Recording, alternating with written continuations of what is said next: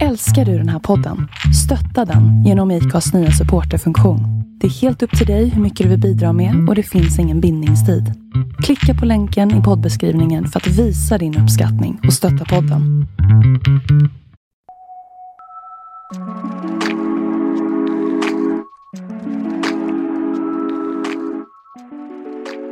Du lyssnar på tredje avsnittet av tre i Folkets Domstols poddserie om utvisningar. Om du inte lyssnat på de tidigare avsnitten så kan du gå tillbaka i din podcastspelare och göra det för att få en generell förklaring om utvisningar och hur rätten tänker i de här fallen när utvisning blir aktuellt. Du kan också få en inblick i två uppmärksammade rättsfall. I första avsnittet så går vi igenom ett rättsfall där en dömd våldtäktsman inte blev utvisad. Och i det andra hur en treårig pojke som fick beslut om utvisning till ett land som han aldrig har besökt. Idag så ska vi gå igenom ett väldigt aktuellt rättsfall som berör en familj från Irak som nu har fått ett utvisningsbeslut efter 20 år i Sverige. Media har uppmärksammat det här fallet då familjen har bott här väldigt länge, de har akklimatiserat sig väl till samhället, de har två barn som är födda här i Sverige och de har studerat och jobbat sedan de kom hit. Viktor, är inte det här ett perfekt exempel på en lyckad integration? Jo, utifrån vad som har rapporterats i media, framförallt då i Dagens Nyheter som var de som skrev om det här först, så kan man väl definitivt säga att det här ser ut som ett sånt praktexemplar. Det är väl så här man vill att det ska gå till. Så vad är då problemet? Ja, problemet är ju som ofta då när man rapporterar i media att man inte alltid har hela bilden framför sig. Och då kan man ju fråga, är det så att eh, den som skriver den här artikeln väljer att vinkla det på ett visst sätt? Eller är det så att de faktiskt inte har tillgång till all information? Vilket i och för sig är lite konstigt då, men för att all information finns ju att tillgå. Det vill säga själva domen där man kan förstå eh, varför ett sånt här beslut har fattats. Ett tredje alternativ är att man faktiskt har läst den här domen men ändå inte förstår och därför rapporterar på ett ofullständigt sätt eller man plockar ut vissa fakta som man tycker är eh, relevanta för artikeln. Så att det är svårt att säga egentligen varför, varför det ser ut på det sättet. Det finns ju ett antal olika alternativ. Så vad är det då som har hänt? Du som har läst rättsfallet och som har ändå Hela bilden är alltid svårt när man pratar om att man läser ett rättsfall Men det är åtminstone så mycket fakta som möjligt och Det är väl så nära sanningen man kan komma i ett rättssamhälle Att faktiskt läsa en dom Där man har två parter som på något sätt ska eh, presentera sina båda ståndpunkter. Ja, alltså det är inte, det är inte säkert att, att sanningen finns där så att säga.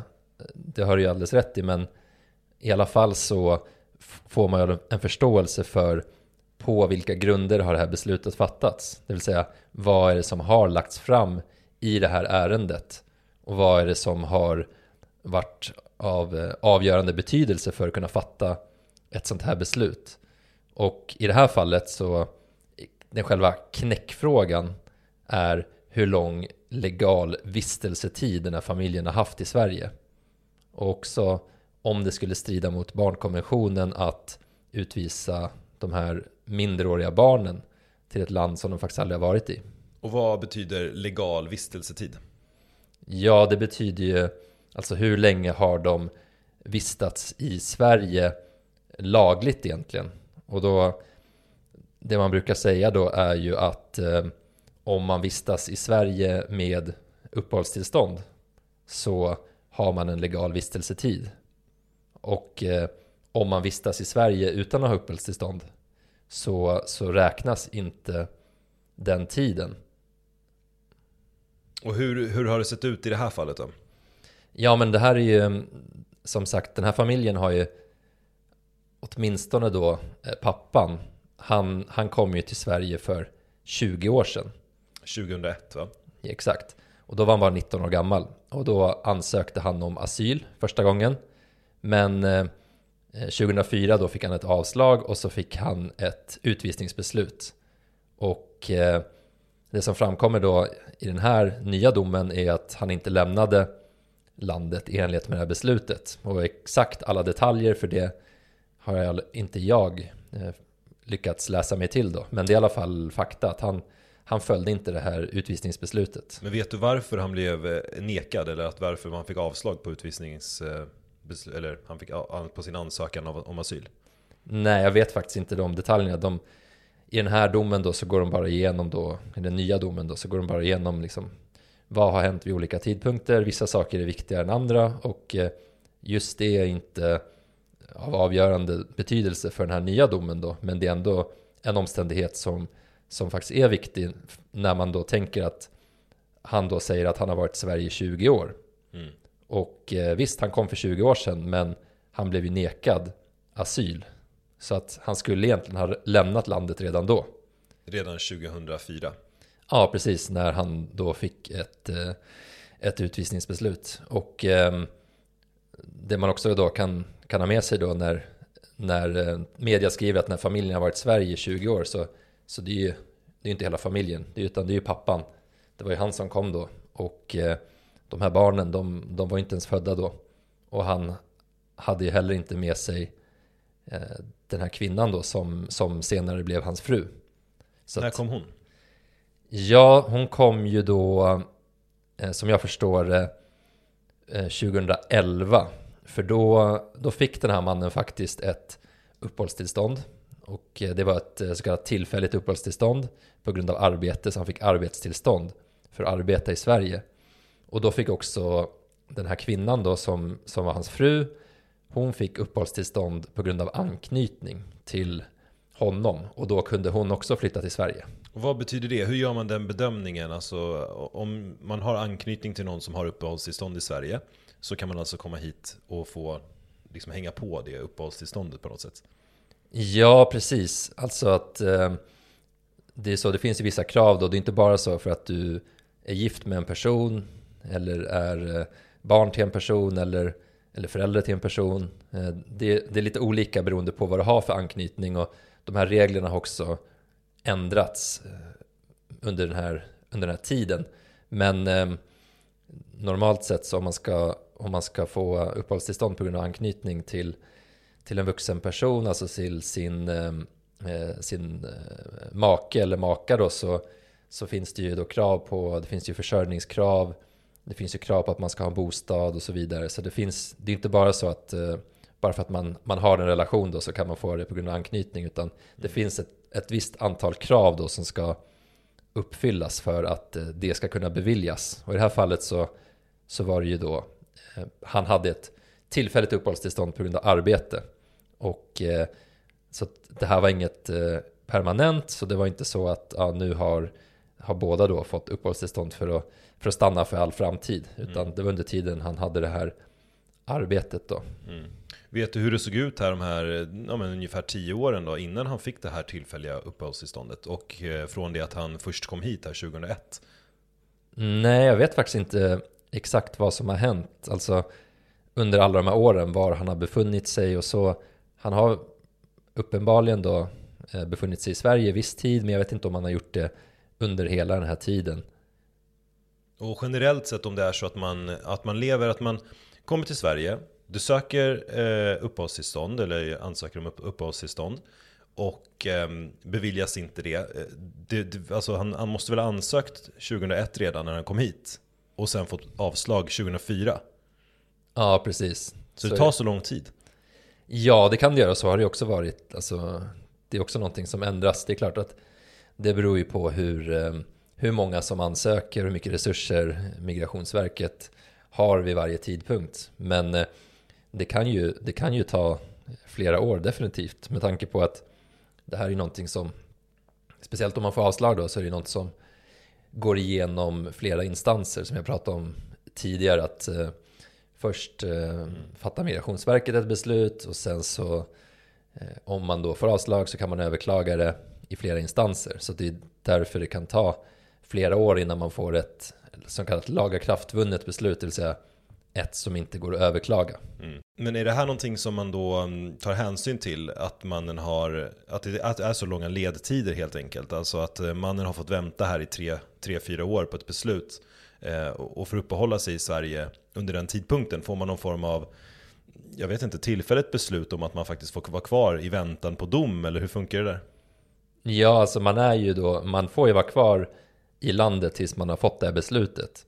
Så att då är man ju en asylsökande som har ansökt om att få uppehållstillstånd i Sverige men man har varken fått ett eh, ja, men godkänt eller att man har fått det beviljat uppehållstillstånd och man har heller inte fått ett avslag. Och då är man ju, är man ju landet under den tiden innan man väntar på ett beslut. Och eh, det är klart att det är eh, inte en särskilt bra situation för man kan ju inte göra så mycket. Eh, det har ju väl också varit sånt som har ändrats under tiden vad, vad man får göra men till exempel då om man inte har arbetstillstånd så får man inte arbeta. Mm, det har också varit eh, svårt eh, att kunna få lära sig svenska, att man inte har fått eh, under vissa perioder i alla fall. Jag vet faktiskt inte hur det är eh, var vid den tidpunkten eller så. Men om man får gå på eh, såna svenska kurser och liknande för att kunna integreras och så man får ju en viss eh, slant, eh, lite pengar då för att man ska kunna överleva. Men det är ju inte några, några stora belopp heller. Så att man, man, eh, man lever ju i limbo så att säga under den här mm. perioden. Ja. Och sen då när han får avslag på den här på ansökan om uppehållstillstånd och ändå är kvar då, vi, förutsätter att han är, kvar i landet då i tio år, eller, eller vad, vad händer oavsett om han är kvar eller inte? Alltså, kommer han bli eftersökt? Kommer polisen söka efter honom? Kommer han kunna, måste han hålla sig undangömd eller liksom, hur, hur funkar det? Ja, men har man fått ett lagakraftvunnet beslut om att man ska utvisas så ska ju det verkställas. Det vill säga utvisningen ska ske. Och då kan man antingen medverka till det själv att eh, man inställer sig och eh, ser till att då man eh, sätts på ett plan och eh, åker tillbaks till det landet då där man har blivit utvisad till. Det finns ju dock vissa då som håller sig undan och eh, inte medverkar till att det här beslutet verkställs. Och eh, det som sker då är att ja, då, då blir man eftersökt men det är ju inte alltid så lätt att hitta en sån person som, som försöker gömma sig och gå under jorden så att säga. Och eh, det är inte så att polisen har obegränsade resurser och kan eftersöka alla de här personerna. Vi vet ju att det finns ju människor som håller sig gömda i Sverige. Och ehm, ja, det är ju det är ett, ett stort problem att man inte har koll på det. För att de här besluten då, de gäller ju i fyra år. Ett sånt här eh, utvisningsbeslut som ska verkställas gäller i fyra år. Och eh, om man inte då har, om det inte har verkställts inom fyra år så, så slutar det gälla. Och mm. då kan man ansöka på nytt. Är det det som har hänt då? Det pratade vi också om förra avsnittet med fallet Tim. Mm, nej, det är väl inte riktigt det som har hänt. För här, här var det ju så att han då 2011 eh, fick det här uppehållstillståndet på grund av arbete. Och alla detaljer kring det vet jag faktiskt inte. Nej. Så att jag kan inte eh, svara på det. Så den här perioden då mellan, mellan 2004 och 2011 är väl lite, lite oklar egentligen. Mm. Men, men det som skedde därefter då, efter att då han faktiskt fick det här tillståndet att, att vistas i Sverige och eh, hade arbete och hans fru fick komma till Sverige så, så fick de också två barn mm. som föddes här i Sverige. 2012 och 2014. Exakt. Mm. Så då, ehm, då skulle den här, eh, det här uppehållstillståndet då som, eh, som han hade, det skulle då prövas igen eftersom att det var tillfälligt, alltså det var inte ett permanent. När då? 2000... 2014. Ja. Och då fastställdes att de inte skulle få ett eh, förlängt uppehållstillstånd, hela familjen då, utan då skulle hela familjen tvingas Eh, ut, de ska bli utvisade. Och då är det alltså allihopa. Första beslutet var ju bara, bara pappan då, ja. för att eh, de andra var inte med i bilden. Och, men i det här beslutet då som kom 2014 så, så var det så att det gällde alla, hela familjen. Och vad grundar man det på? När man har gett någon ett tillfälligt uppehållstillstånd på grund av eh, arbete och så vidare. Och sen så har den här personen i det här fallet tagit hit sin familj, eller ja, i det här fallet sin ja, vad som skulle bli hans fru och sen deras framtida barn. Och nu är de här hela familjen och han har fått det här tillfälliga uppehållstillståndet, nu ska det omprövas. Hur ser den prövningen ut och hur tar den i beaktande, eller vilka aspekter tar den i beaktande egentligen? För att om han nu har kvar sitt jobb till exempel, spelar det någon roll eller vad, vad tittar man på?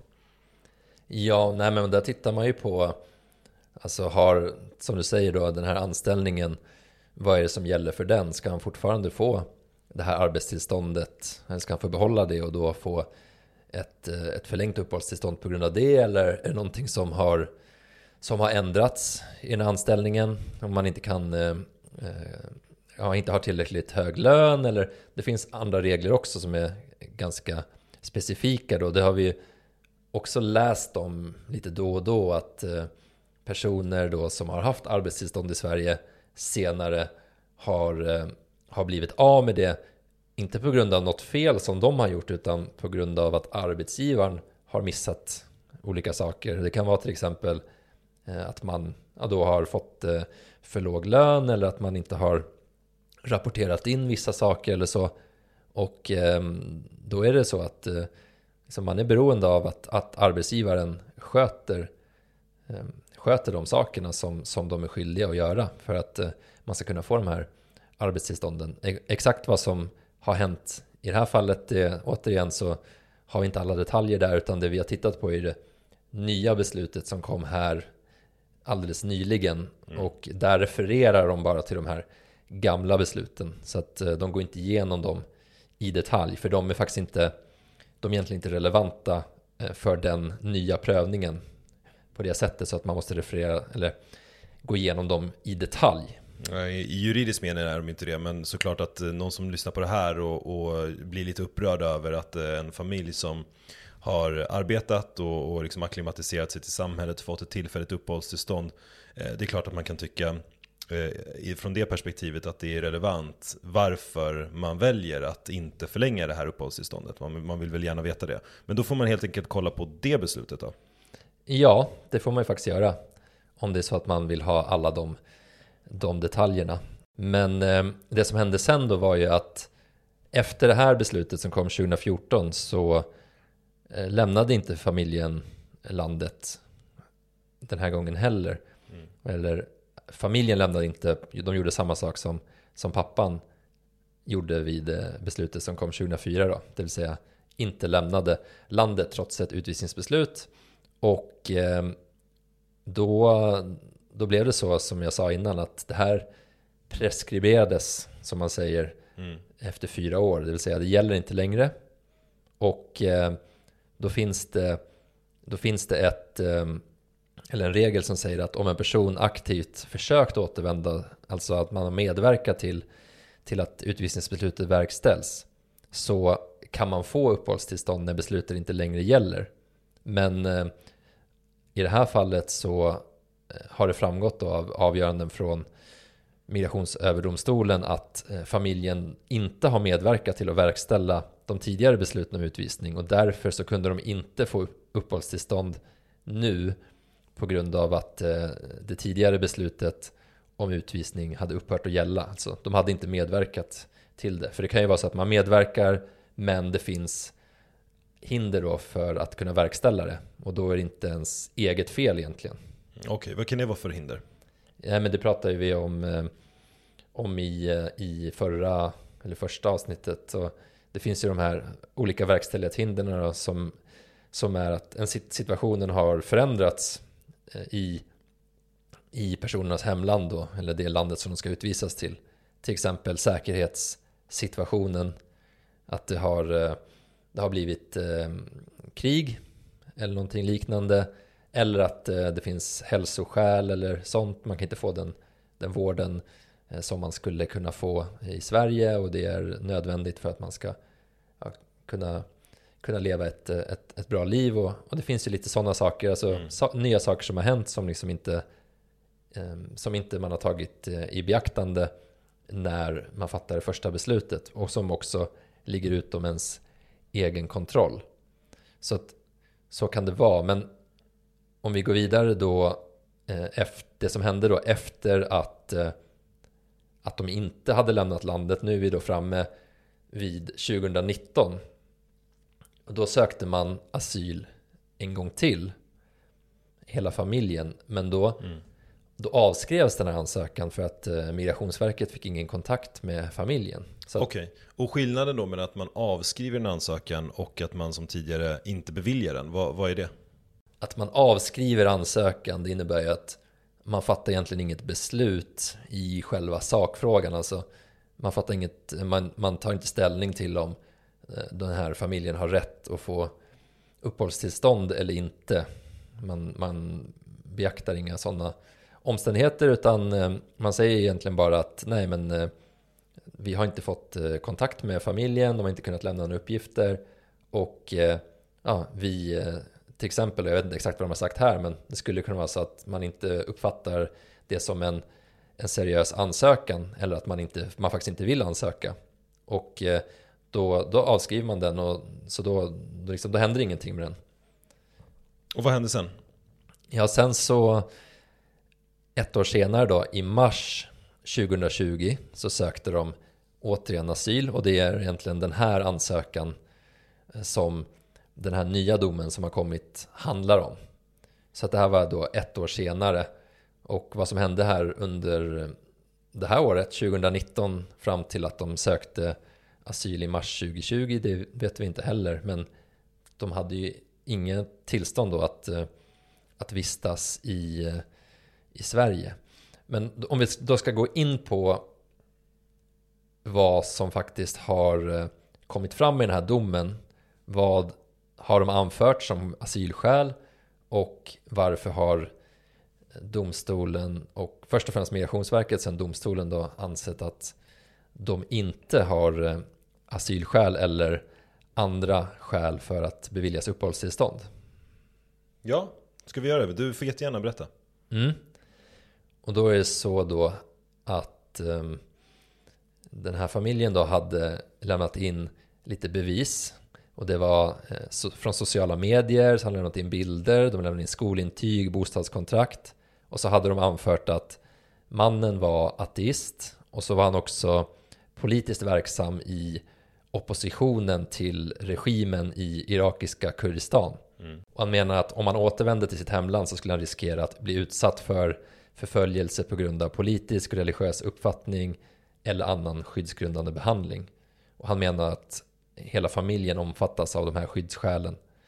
Och sen så hade frun då hade en egen en egen eh, grund som hon anförde och det var att det fanns en hotbild från hennes bror som då inte skulle godkänna att hon hade synts på bilder i sociala medier i baddräkt eller med urringning. Mm. Och om hon återvände till Irak så skulle hon riskeras att bli utsatt för förföljelse på grund av kön. Och sen så argumenterade de också för att de skulle beviljas uppehållstillstånd på grund av synnerligen och särskilt ömmande omständigheter. Och hur, eh, vad sa Migrationsverket om det här? Ja, de menar ju då att eh, det var inte sannolikt att eh, familjen var i behov av skydd och eh, menade att det inte utgör skyddsskäl att ha anammat västerländsk kultur och västerländsk tankesätt. Och så menar de att eh, mannen hade inte lämnat tillförlitliga uppgifter om sina religiösa eller politiska åskådning. Och han hade faktiskt inte gjort eh, gällande, alltså han hade inte anfört det här i samband med tidigare ansökningar om verkställighetshinder.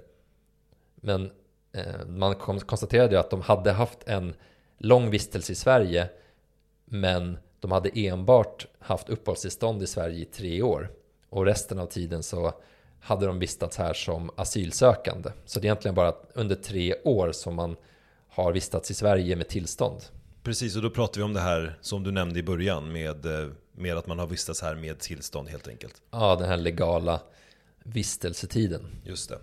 Så tre år av totalt, vad blir det nu då? Tio år ungefär Ja, alltså för mannen. för mannen då från 2001 och sen, Från, just det, 2001 och 2011 var ju då resterande familjen. Så 20 år för mannen och 10 år för resterande. Ja, förutom de som inte var födda då. Nej precis, 2012 ena barnet var och 2012 och 14. Så det, är- det är olika då ehm, för vilken person, men i alla fall då mannen hade ju vistats här länge. Och Mm. ehm, då skulle migrationsdomstolen då, skulle de pröva att, eh, eller om, om mannen hade gjort sannolikt att han var i behov av skydd på grund av sin religiösa uppfattning. Ja, för det var min nästa fråga. Hur gör man just den här bedömningen? Vi pratar ändå om ganska mycket mjuka värden där det är svårt att faktiskt komma fram till vad som är vad. Alltså det är inte fakta om någon är tillförlitlig eller inte. Så hur, hur resonerar rätten i den här frågan? Ja, men det är en svår sak såklart att, eh, att pröva vad någon har för övertygelse. Men det är ju den som, som påstår någonting här, i det här fallet som, som, eh, som ska bevisa det. Och eh, det räcker ju inte bara med att säga då att nej men jag har lämnat min, eh, min gamla religion och det innebär att, att jag kommer riskera våld om jag reser till, till mitt hemland. Utan det hade ju, det hade ju varit alldeles för, för enkelt eller då hade ju, det måste ju ändå göras någon, någon form av prövning att man kan, man kan visa på det. Och, och det migrationsöverdomstolen tidigare sagt att om man då eh, ska, ska kunna pröva det här om en persons konvertering är äkta i den bemärkelsen att den grundar sig på en genuin personlig religiös övertygelse så måste man göra en individuell prövning i enlighet med UNHCRs handbok och eh, riktlinjer. Och man ska göra en samlad bedömning eh, på grund av de omständigheter under vilka den här eh, konverteringen har kommit till stånd. Och om då den här personen vid en återkomst till hemlandet kan antas komma att leva som en konvertit. Konvertit?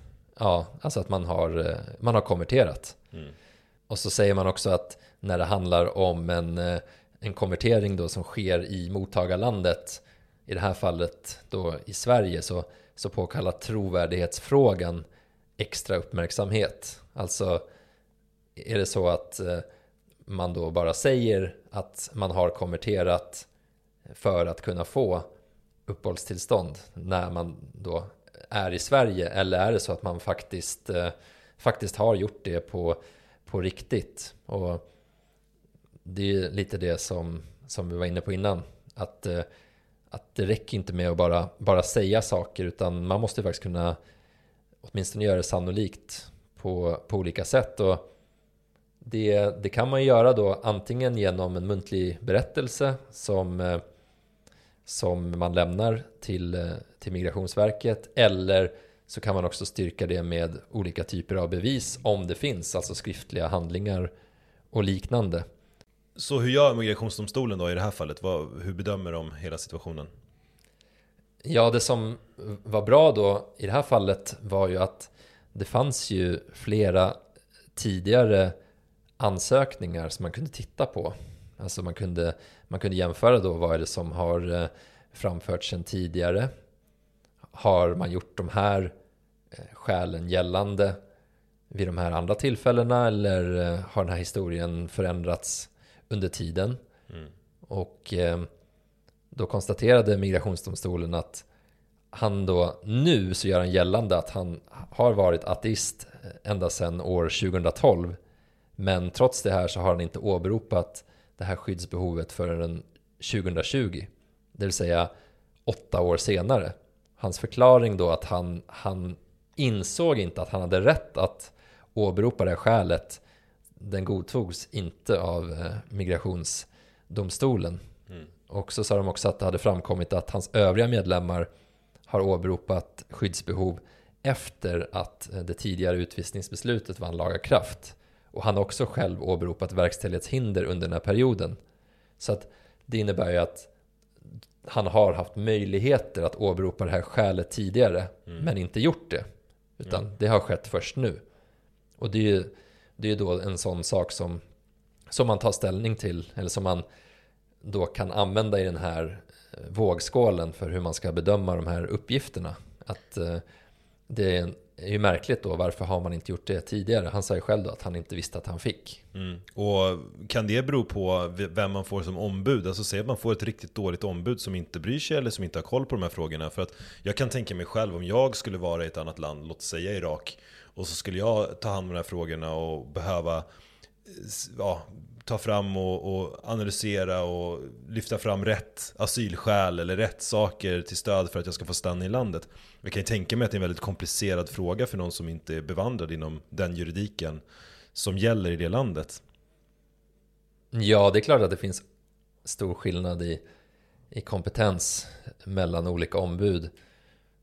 Och eh, att det kan spela roll vilka råd man får som eh, sökande. Samtidigt så är det ju ens eget ansvar att, eh, att lägga fram sina skäl. Det, det är inte så att ett ombud ska säga åt dig vad du ska säga utan det ska ju vara dina egna, dina egna skäl som du ska eh, lägga fram. Mm. Så att det går inte att skylla på, på någon annan i det fallet utan där har man ju ett ansvar att se till att man framför alla sina skäl mm. i rätt tid så att säga. Så att så att det blir en ordentlig prövning. Ja.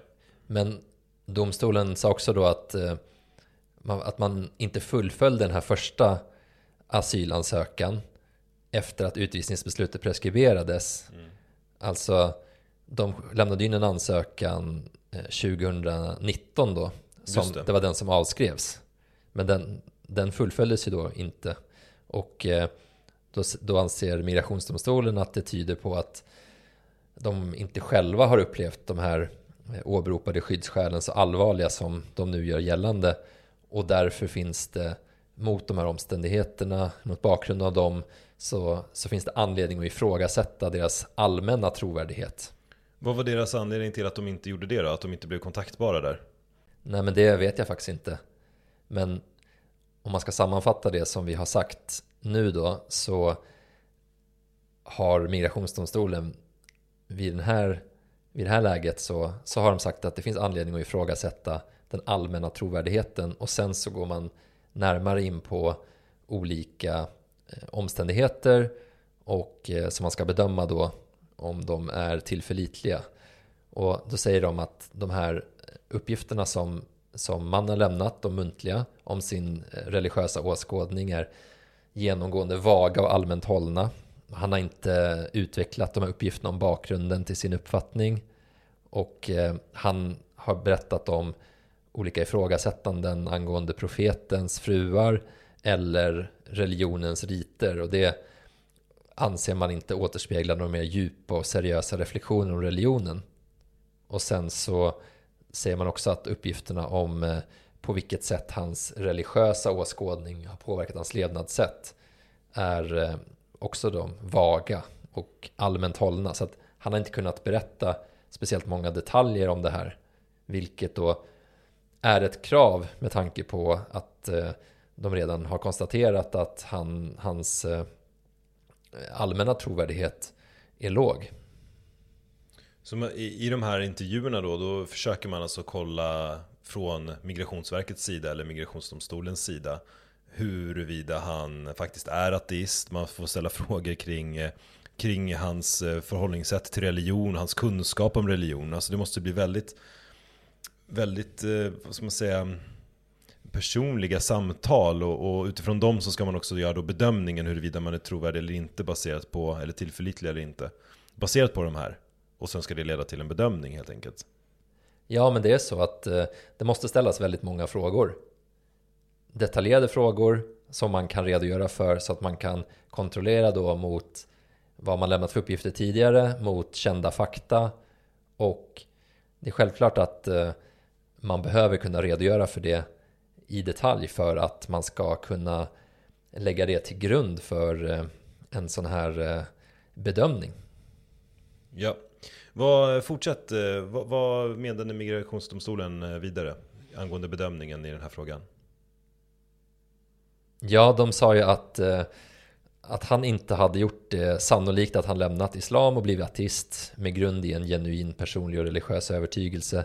Han har inte gjort det sannolikt att det finns en hotbild mot honom på grund av den tillskrivna religiösa uppfattningen och därför var han inte och familjen inte skyddsbehövande på den grunden.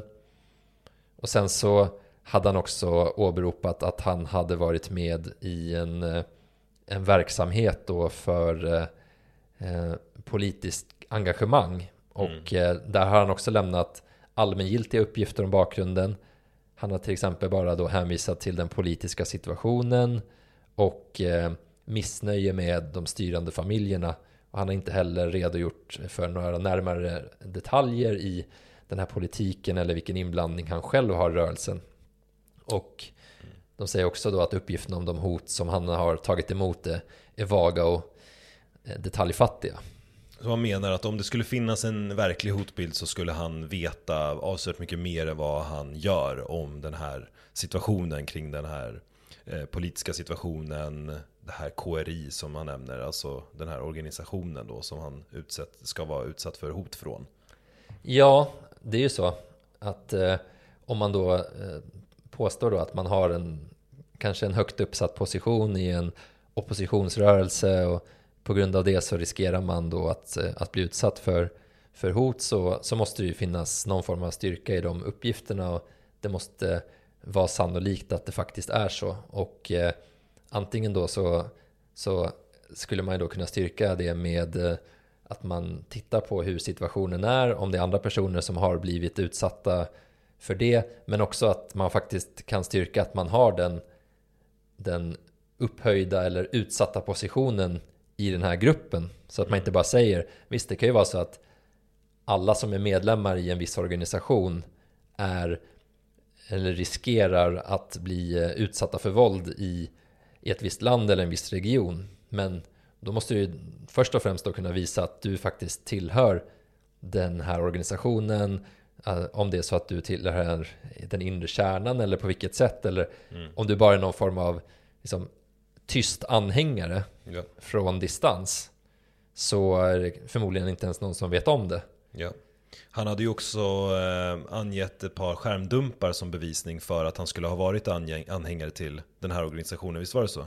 Ja, precis. Eh, han hade gjort det då, han lagt upp på, på sociala medier och eh, då sa migrationsdomstolen att de här bilderna det visar att han har delat inlägg eh, från de här grupperna och andra personer men han har inte själv gett uttryck för någon egen åsikt.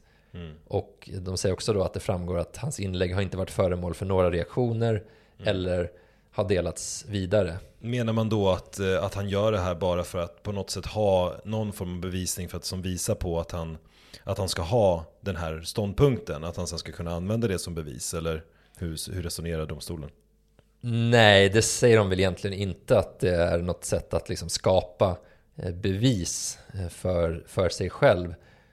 Det skulle kunna vara så, det vet vi ingenting om i det här fallet. Men de säger i alla fall inte att just det visar att han har skyddsskäl. Mm. Alltså bara för att han har då lagt upp de här, ehm, de här, ehm, ja vad det nu är, bilder då på, mm. på sociala medier. Så, som inte då har lett till någonting. Det är som de säger att det är ingen som har delat, det är ingen som, inga reaktioner. Jag vet inte om det menar att det är inga kommentarer eller inga, inga som har gillar, gillat eller, eller vad som nu har hänt. Nej. Men det visar i alla fall inte att eh, att han är ja, men någonting annat än bara då ja, en person som har lagt upp det här och vad det betyder, det, det kan man liksom inte ta ställning till.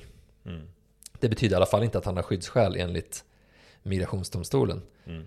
Domstolen gör då en sammantagen bedömning och säger att med beaktande av även de allmänna trovärdighetsbristerna så anser man att mannen har inte gjort sannolikt att han har en inflytelserik roll eller haft det eller på något annat sätt en framträdande profil som politiskt oppositionell. Och mot bakgrund av det här då så har han inte gjort sannolikt att han uppmärksammats för sina politiska verksamheter i Sverige på sånt sätt att det finns en allvarlig aktuell hotbild mot honom vid ett återvändande till Irak och därför inte familjen skyddsbehövande på den här grunden. Avslutningsvis då så säger domstolen att det inte framgår att det föreligger en sannolik hotbild från någon av kvinnans familjemedlemmar som innebär en verklig risk för våld. För det utgår bara då från hennes egna spekulationer att, att de skulle ha för avsikt eller förmåga att antingen tvinga henne till skilsmässa eller utsätta henne för våld. Och att det finns en risk då som hon har anfört att inte få tillåtelse att träffa sin mamma. Det är inte heller skyddsgrundande och det har inte framgått att det skulle föreligga någon risk för utsatthet från allmänheten i hemlandet på grund av hennes och familjens levnadssätt. Okej, men då har vi gått igenom eh, familjens asylskäl. Men du nämnde också i början här eh, att de eh, ansökte om, eller tyckte att de hade synnerligen ömmande omständigheter. Och att av den anledningen skulle man också kunna då eh, kunna få uppehållstillstånd i Sverige. Kan du inte berätta mer om det? Vad, vad tyckte domstolen om, om just den, den delen? Ja, men då när man har tittat på asylskälen då och sagt att det finns inga sådana så gör man en bedömning av om det finns ömmande omständigheter. Och I vanliga fall så är det synnerligen ömmande omständigheter för vuxna och särskilt ömmande omständigheter för barn. Men det har gjorts en ändring då i eh, utlänningslagen som då säger att eh, även en vuxen person kan beviljas uppehållstillstånd på grund av särskilt ömmande omständigheter. Alltså inte synnerligen om han har vistats i Sverige eh, med uppehållstillstånd under den tiden fått en särskild anknytning till Sverige och vid bedömningen av om det finns en särskild anknytning får man även beakta sådan anknytning som har uppstått under tiden mellan att ansökan gavs in och uppehållstillstånd eh, beviljas. Och eh, den här lagändringen då, enligt förarbetena så tar det sikte på i första hand personer som har vistats i Sverige med tidsbegränsade uppehållstillstånd för vilka det inte då framstår som rimligt att ställa samma höga krav på restriktivitet som för en person som inte haft det. Och eh, det framgår också att vid bedömning om det föreligger särskilt ömmande omständigheter så bör man kräva en längre legal vistelsetid samt att man bör beakta om det finns starka band till hemlandet och om personens framtida psykosociala utveckling och hälsa på ett avgörande sätt skulle kunna äventyras vid ett återvändande. Och det här är ju det är jättemycket juridiska ord och det är olika eh, balansgångar mellan, mellan, som vi sa, vi har pratat om det här förra avsnittet eller om det var avsnittet innan om skillnaden mellan särskilt och synnerligen. Eh, ska vi bara ta det lite snabbt igen, vad är skillnaden mellan då särskilt ömmande skäl och synnerligen ömmande skäl? Mm. Ja men eh, särskilt då, det, det måste ju vara någonting som är, som är speciellt, det får inte vara någonting som är som är helt vanligt som, som gäller för alla utan det måste vara någonting som är, som är särskilt, som är lite, lite då allvarligare. Det kan vara hälsoskäl eller det kan vara någonting annat. I det här fallet då så pratar man om anknytning och så. Om det skulle vara krävas synnerligen så är det ett högre krav och eh, någonting som är väldigt svårt att uppnå. Så att mm. när man får den här möjligheten då att slippa uppnå eh, synnerligen ömmande omständigheter och det räcker med att man uppnår särskilt ömmande så är det en väldigt stor lättnad då för sökanden även om det inte är någonting som är givet att man ska eh, få uppehållstillstånd på den grunden utan det måste fortfarande vara någonting eh, utöver det vanliga om man säger så. Mm. Och hur applicerar vi det på det här fallet då? Det, det var det i alla fall det de sökte eh, uppehållstillstånd för, att de ska ha särskilt ömmande omständigheter. Ja, precis. De ansåg ju att det var det som skulle krävas. Ehm, så, och sen så ehm, det som, det som vi pratade om alldeles i inledningen då, vad som var en knäckfråga i det här målet då, om det var så att de inte ansågs eh, ha asylskäl var ju då hur lång deras legala vistelsetid i Sverige var för att då är det så att det är ju den legala vistelsetiden då som, som ligger till grund för när man kan anses eh, skapa den här anknytningen till Sverige. Alltså till exempel då, ja du har varit i Sverige, låt säga att du har varit i Sverige i 20 år och har fått, eh, det är klart att du skapar en viss eh, anknytning då under den här tiden. Sen måste du också göra en individuell bedömning av på vilket sätt. Men om den vistelsetiden har varit illegal, det vill säga att du inte haft några tillstånd för att vistas i Sverige, då ska då enligt lagen inte den räknas. Så det är det som som, som blir en, en avgörande fråga här. Mm. Och när det gäller barnen då så, så har eh, Migrationsöverdomstolen tidigare bedömt att de ska få uppehållstillstånd på grund av särskilt ömmande omständigheter. I ett sådant fall då exceptionella omständigheter samt en mycket stark anknytning eh, förelåg i ett barns fall. Det, mm. det, det medförde då att en utvisning av barnet inte ansågs eh, proportionerlig enligt barnkonventionen det har de sagt tidigare, men i det här fallet så säger då, säger då domstolen att eh, samtliga familjemedlemmar har ju en lång vistelsetid, eller mycket lång till och med, mm. i Sverige. Och eh, tidigare så hade de haft ett uppehållstillstånd som grundade sig i mannens anställning. Men det var lång tid eh, tillbaka i tiden, alltså det var ju under 2011 till 2014 och mellan 2014 och 2020 så har eh, familjens vistelse i Sverige till största delen varit illegal. Och därför då anser de att eh, den här anpassningen som familjen har fått i Sverige huvudsakligen hänförlig till den illegala tiden och därför faller man utanför ramen för anpassning under legal vistelse. Man räknar inte de åren då för barnen kan man säga, eller? Nej, man gör ju inte det. För att eh, som sagt, det, det, har inte varit en, en legal vistelse. Så, så att, även om det har skett en faktisk eh, anpassning och anknytning till Sverige för de här barnen som bara vet om Sverige, de har ju bara varit här och vuxit upp här, så har de gjort det under förhållanden där de har eh, vistats här illegalt. Och därför så kan det inte tillgodoräknas. Mm, precis, men, men sen gör ju ändå migrationsdomstolen då en, en särskild bedömning vad gäller barnen.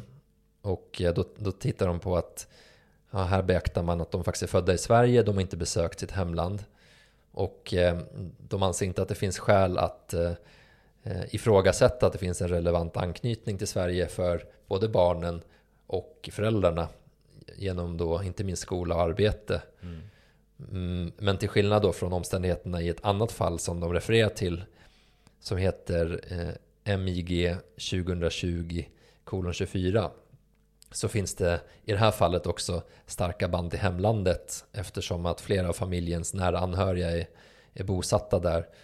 Och eh, så menar man också att den, legal, den aktuella legala vistelsetiden för barnen sträcker sig över en förhållandevis kort tid av, av barndomsåren. Så att eh, därför anser man att inte de uppfyller eh, de här kraven och sen så vad gäller hälsotillstånd då så så har de också anfört att de har vissa sjukdomar, både mamman och dottern då eh, skulle ha epilepsi och det anser man inte är ett sånt allvarligt hälsotillstånd som, som gör att det finns synnerligen eller särskilt ömmande omständigheter. Mm. Och sen eh, avslutningsvis då så säger man att eh, utvisning av familjen är inte oproportionerlig enligt artikel 8 i Europakonventionen eller enligt barnkonventionen och därför kan de inte få uppehållstillstånd. Så att sammanfattningsvis då så kan man göra den här analysen av att anknytningen som familjen hade fått till Sverige den hade uppkommit under, under en så kallad illegal vistelsetid. Mm. Och eh, jag menar, varför, varför, skulle, varför ska man göra skillnad på, på det här? Alltså varför gör man skillnad på då legal och illegal? Det är ändå liksom, man har ändå varit i Sverige. Mm. Men det är ju inte så konstigt då att man inte kanske vill ge incitament för personer som inte har uppehållstillstånd att, att stanna i Sverige illegalt och sen då skapa sig egna skäl för att få stanna för att man har fått anknytning. Mm. För det blir ju per automatik att för var, var, dag man stannar i Sverige då så får man mer och mer anknytning. Det är väl naturligt. Och du menar då att eh, det skulle bli incitament för människor som vill eh, stanna i Sverige att fortsätta vistas sig här illegalt för att sen vid någon tidpunkt kunna hävda då att man har varit här så pass länge att man har en så stark anknytning att det vore fel att bli utvisad. Ja, det skulle ju, om det skulle vara så att, att man accepterade det så skulle det kunna bli effekten. Och då är det många som, som eh, har uttryckt åsikter kring eh, Framförallt det här med det första fallet som vi nämnde och tog upp Med våldtäktsmannen som blev dömd eh, För ett straffvärde på runt två år, jag kommer inte ihåg exakt vad det var just nu Eh, men som inte kunde utvisas. Eh, och då eh, är ju frågan då att man ställer de här två mot varandra. Någon som begått ett brott och som inte kan utvisas, ett hemskt brott, mot en familj som har varit här och absolut vistats här illegalt men att man kanske inte tar så allvarligt på det som framförallt inte som mot att man begår en våldtäkt. Och så ställer man de här två mot varandra. Är det inte lite skevt att det är på det här sättet? Jo, man kan ju tycka det att eh, personer som är, är skötsamma, liksom har jobb, har eh, utbildning, går i skola och så vidare, ehm, borde få stanna i Sverige om det är så att personer som begår brott inte eh, blir utvisade om man skulle ställa det emot varandra.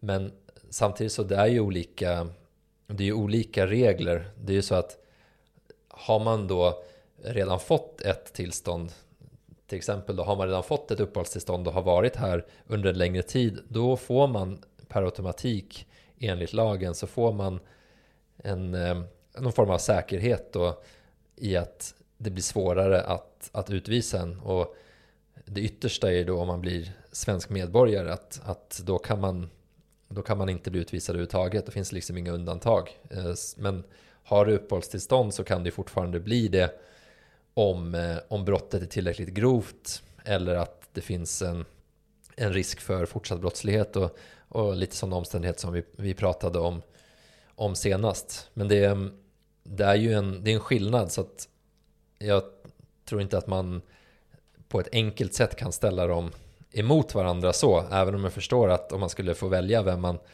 vem man helst skulle vilja få, få bo i Sverige så skulle det ju vara den skötsamma personen. Men mm. det, är inte, det är inte så man, man, man ser på det här utan det är, det är en viss säkerhet att, eh, att få vistas i ett land genom att man har fått vissa tillstånd. Det är så. Man uppnår alltså en viss sorts eh, status när man blir eh, svensk medborgare, vilket ju det är i fallet här med personen som inte kan utvisas då. Att man har ett starkare skydd mot att bli utvisad när man uppnår, när man får ett medborgarskap. Det, om man ska koka ner det till liksom den slutgiltiga... Ja, det finns olika, det finns olika steg då.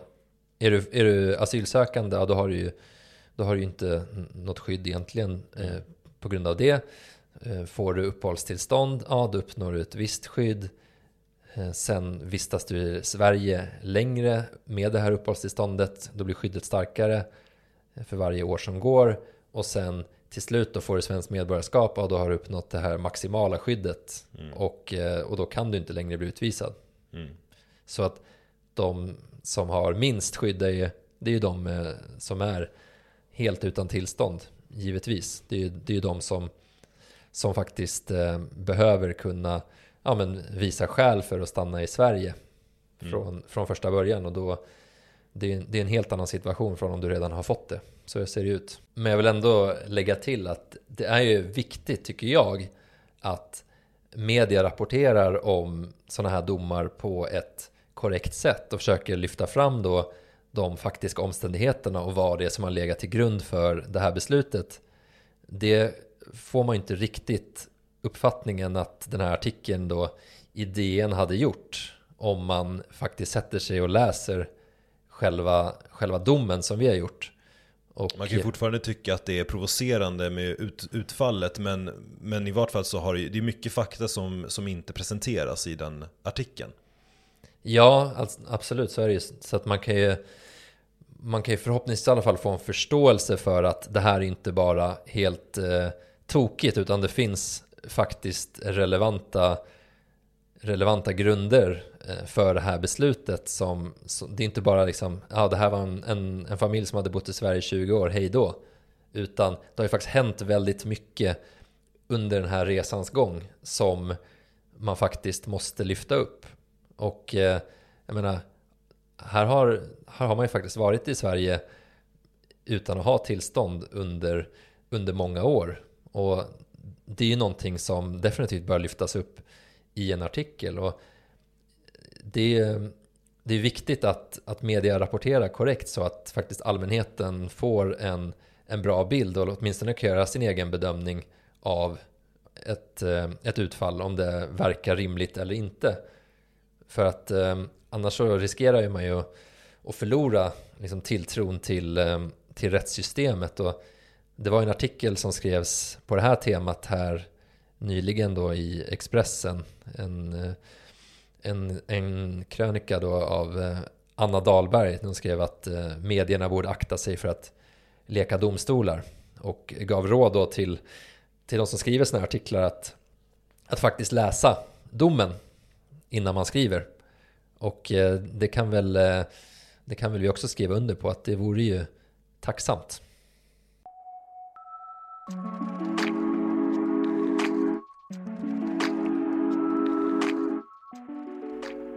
Du har lyssnat på tredje avsnittet av tre i Folkets Domstols poddserie om utvisningar. Som vanligt, följ oss gärna på Instagram, prenumerera gärna på podden, betygsätt den gärna om du kan göra det i din podcast-app och är ni intresserade av att fortsätta diskutera, antingen så hör ni av er till oss på info.folketsdomstol.se eller på våran Instagram, eller så går ni med i våran Facebookgrupp Folkets Domstol diskussionsgrupp. Tack för att ni har lyssnat. Bra, Så får det bli. Det får räcka.